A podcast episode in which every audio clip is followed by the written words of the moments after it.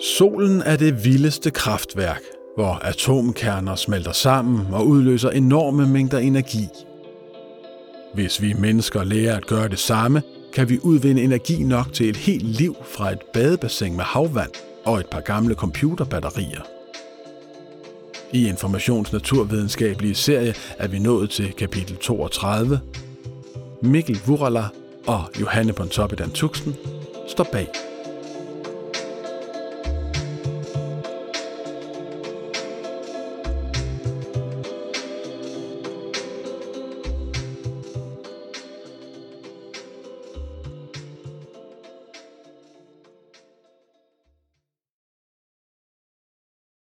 I Lyngby står et sælsomt apparat, smækket op på nogle stolper og ligner noget fra en fremtidsfilm.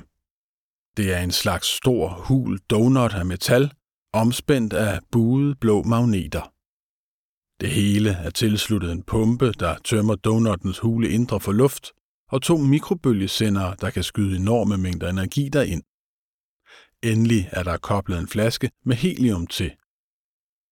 Bag en tyk glasrude står tre mænd og kigger ind på maskinen. Så trykker en af dem på en knap, og sekundet efter lyser donuttens indre op i et rødlilla skær. Det er en ret vild proces, som vi kan se lyset fra.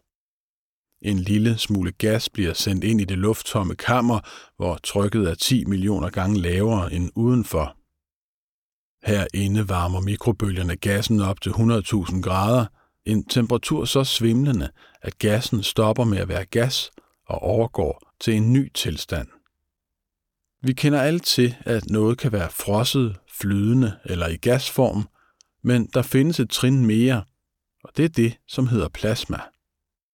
Den tilstand ligner stadig gas, bare i lysende form, og indtræffer, når der er så meget gang i atomerne, så meget energi, at de ikke længere kan holde på formerne, og de negative elektroner forlader deres vante pladser om de positive atomkerner, og de er så mere frit rundt. Dermed går gassen fra at bestå af elektrisk neutrale atomer til at bestå af ladede kerner og elektroner. Magneterne, som omspænder det hele, får nu den knaldvarme gas, der altså ikke længere er gas, men plasma, til at svæve rundt i metalringen i en snoet strøm, der aldrig rører væggene. Det er den eneste af sin slags i hele Norden, siger en slank fyr med tynde briller, da maskinen slukker efter fire sekunder. Søren Bang Korsholm, som han hedder, er stolt af maskinen, der kaldes North. Med den kan DTU's ansatte og studerende forske i plasma og lave en masse forsøg, som ellers ville være umulige på de store udgaver af maskinen, som findes andre steder.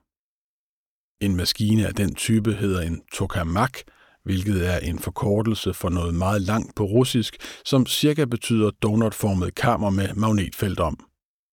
Og selvom apparatet her er på størrelse med et par velvoksne tørretumbler, er det faktisk lidt af en hygge-tokamak.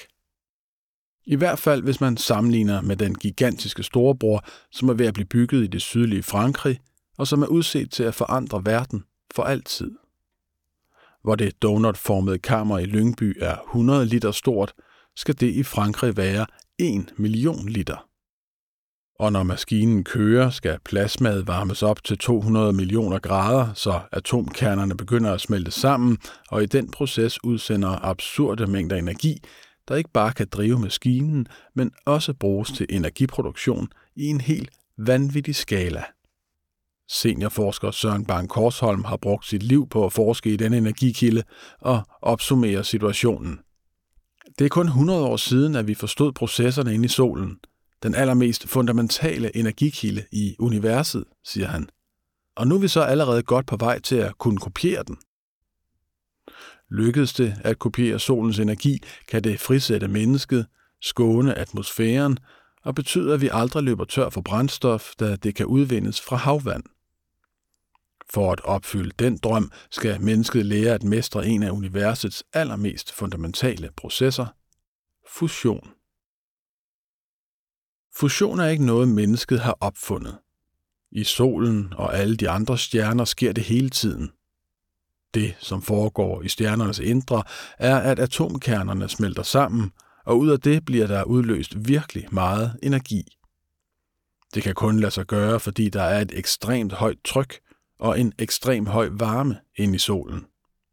For da atomkerner er positivt ladet, frastøder de normalt hinanden som to magneter med samme ende mod hinanden, men i solens vanvidslandskab bliver de presset helt tæt, og når de er blot 0,000000000000000 1 mm fra hinanden, støder de på en anden af naturens kræfter, der nu går ind og komplet dominerer forholdet. Den stærke kernekraft. Denne kraft er meget kortrækkende, men sygt stærk, og har den funktion, at den holder atomkernerne og deres mindste bestanddele sammen. Og nu tager kraften den fremmede atomkerne i sin favn og fusionerer de to kerner til en ny kerne. I solen foregår det især sådan, at brintkerner smelter sammen og danner helium, og i den proces udsendes ekstremt meget energi. Blandt andet det, vi kender som solskin.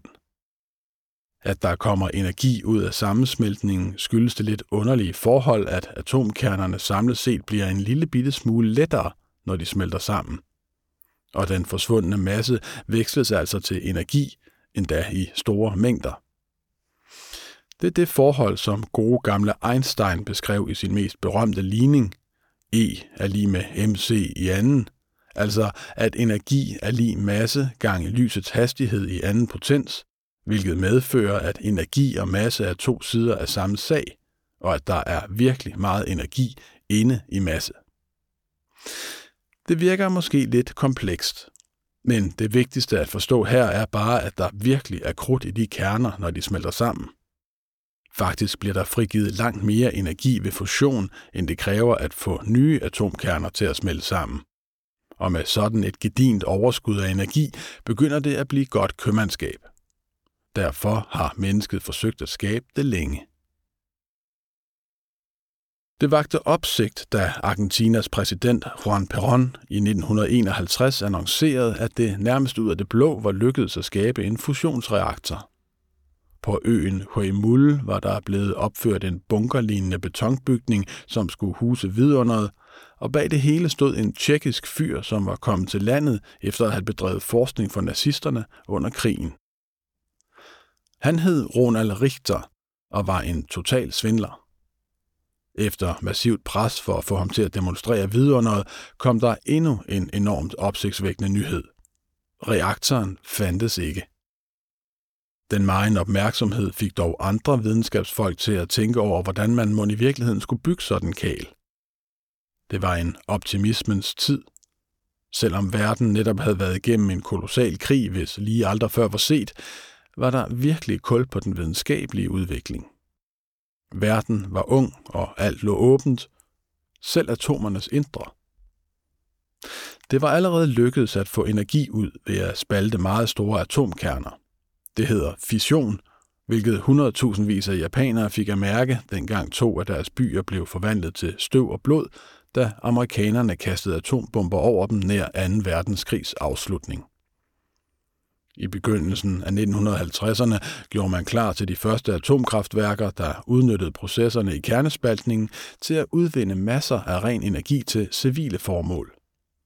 Der var bare et problem, når man spaltede urankerner, blev atomerne lavet til andre og meget radioaktive stoffer, ligesom der blev genereret plutonium og andet farligt affald, som var meget svært at komme af med. Men man havde også opdaget en anden kerneproces. Bare 30 år forinden havde ingen rigtig vidst, hvor solens energi kom fra. Men så foreslog den britiske astrofysiker Arthur Eddington, at den måtte opstå ved, at brint smeltede sammen til helium og i 1938 lavede den tysk-amerikanske fysiker Hans Bethe beregninger, der viste processen. Bethe vendte siden sin egen energi mod at udvikle først atombomben og siden brintbomben, og fik altså skabt fusion i ganske stor skala her på jorden, da man med første prøvesprængning af en brintbombe smadrede en hel ø. Brintbomben er et såkaldt termonukleart våben, som finder sin ødelæggelseskraft i netop fusionen. Processen bliver sat i gang ved at sprænge en helt almindelig atombombe, som med sit enorme tryk og varme kan få nogle brinttyper til at smelte sammen og frigøre en masse energi, der kan smadre og dræbe langt, langt mere end nogen anden bombe på jorden. Men der burde også findes en fredelig side af sagen, tænkte mange videnskabsfolk, som begyndte at lave konstruktioner, der ikke var designet til at løbe løbsk. I USA lavede man et apparat, der blev kaldt en stellarator, mens Sovjet udtænkte og byggede den første tokamak. Så parallelt med, at de to supermagter med stort held konstruerede atombomber nok til at dræbe alle, forskede de også i en energikilde, der kunne gavne alle, med knap så stort held. Maskinerne var for små, og fusionsprocesserne nåede ikke et niveau, hvor de blev selvkørende nok til, at der blev produceret mere energi, end man brugte på at drive dem. Da verdens to mægtigste mænd, Ronald Reagan fra USA og Mikhail Gorbachev fra Sovjet i 1985 mødtes i Genève for at få lidt ro på verdenssituationen, endte det i en erklæring, der blandt andet lød, at man ville skabe et internationalt samarbejde om fusionsenergi for at udvikle en, citat, dybest set uudtømmelig energikilde til gavn for hele menneskeheden. Citat slut. De store ord manifesterede sig i det projekt, som bærer navnet ITER, en kæmpe fusionsreaktor, som en lang række lande i fællesskab fortsat er ved at opføre i Frankrig. Det er big science, for det kræver gigantiske byggerier og uhyrlige pengesummer at få på benene, og ITER er flere gange blevet forsinket. Men den her slags forskning sigter mod fjerne horisonter. På vej mod sit kontor er Søren Bank Korsholm stanset foran en kæmpe plakat, som viser den kommende reaktor ITER i tværsnit. Det bliver en absurd stor reaktor, hvor mennesker går rundt som bitte små tændstikmænd under en glødende kæmpe donut, omspændt af superledende magneter, der er nedkølet til noget nær det absolute nulpunkt. Det bliver altså ikke helt ligesom på solen. Faktisk bliver det 15 gange varmere, da man ikke kan skabe samme tryk som i en stjerne. Til gengæld varmer man kun få gram gas ad gangen for at få en optimal fusion ud af det. Derfor bruger man også nogle lidt andre stoffer end på solen, nemlig de to tungere brintisotoper, deuterium og tritium, der adskiller sig fra almindelig brint ved at have henholdsvis en og to neutroner inde i kernen, og altså være såkaldt tung brint og supertung brint. Deuterium er der masser af i havet, men tritium, der i øvrigt er radioaktivt, må man selv fremstille ud af lithium, det man også bruger til batterier. Når de to stoffer fusionerer, kommer der helium ud som affaldsprodukt, hvilket er nemt at håndtere. Eneste bøvlede affaldsprodukt er egentlig reaktoren selv. Når kernerne fusionerer, flyver der neutroner ud af plasmaet, for de er ligeglade med magnetfeltet. Og når de rammer metallet og andre konstruktioner, bliver det let radioaktivt. Ikke i 100.000 år som affald fra et konventionelt atomkraftværk, men bare i 100 år. Så når et kraftværk ikke længere skal køre, må man lade bygningen stå aflåst, og efter et århundrede kan man så gå ind i bygningen og genanvende materialerne, mener Korsholm. Så skulle den dybest set være fikset. Men han har godt lagt mærke til, at folk kan blive bekymrede, når snakken går på fusionsenergi som kerneenergi. Men, forsikrer han, det er sikkert. For man skal huske, at der kun skal være ganske få gram brændstof inde i kammeret ad gangen – og hvis man propper mere ind, vil processen ikke stikke af, men ophøre. Det samme vil ske, hvis der gik hul på kammeret, siger han, for betingelserne for fusionen ophører, hvis temperaturen falder, og faktisk også, hvis det bliver for varmt. Det er ikke som i et almindeligt atomkraftværk, hvor der er brændsel til flere år, som kan smelte ned. Det er noget helt andet. Til afsked udleverer han et lille hvidt hæfte, som beskriver den europæiske køreplan for fusionsenergi. Om en lille håndfuld år skal ITER gerne lave sit første plasma. Men først i år 2035-40 skal maskinen køre for fulde gardiner og rent faktisk bevise, at dens fusion er langvarig og stabil nok til, at der kan udvindes energi fra den. Derefter skal man bygge det første fusionskraftværk, der skal i funktion hurtigst muligt efter 2050 og bevise sit værd, og hvis det er en succes, er teknologien klar til, at industrien kan tage den derfra og rulle små versioner af solen ud over hele kloden.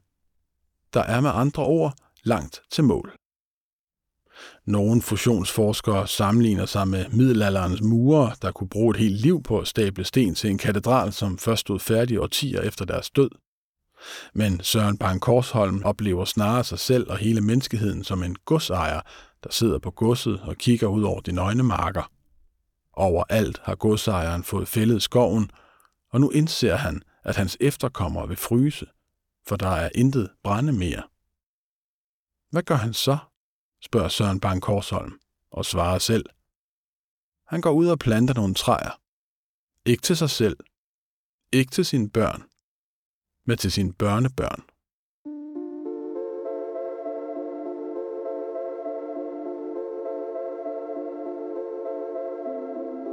Det var kapitel 32 i vores naturvidenskabelige serie. Hvis du har lyst, må du meget gerne gå ind og tildele os nogle stjerner, og måske endda skrive en lille kommentar derinde, hvor du lytter til dine podcasts. Serien hedder Vi fortæller naturvidenskaben forfra, og den er støttet af Carlsbergfondet. Mit navn er Rasmus Bo Sørensen. Tak fordi du lyttede med.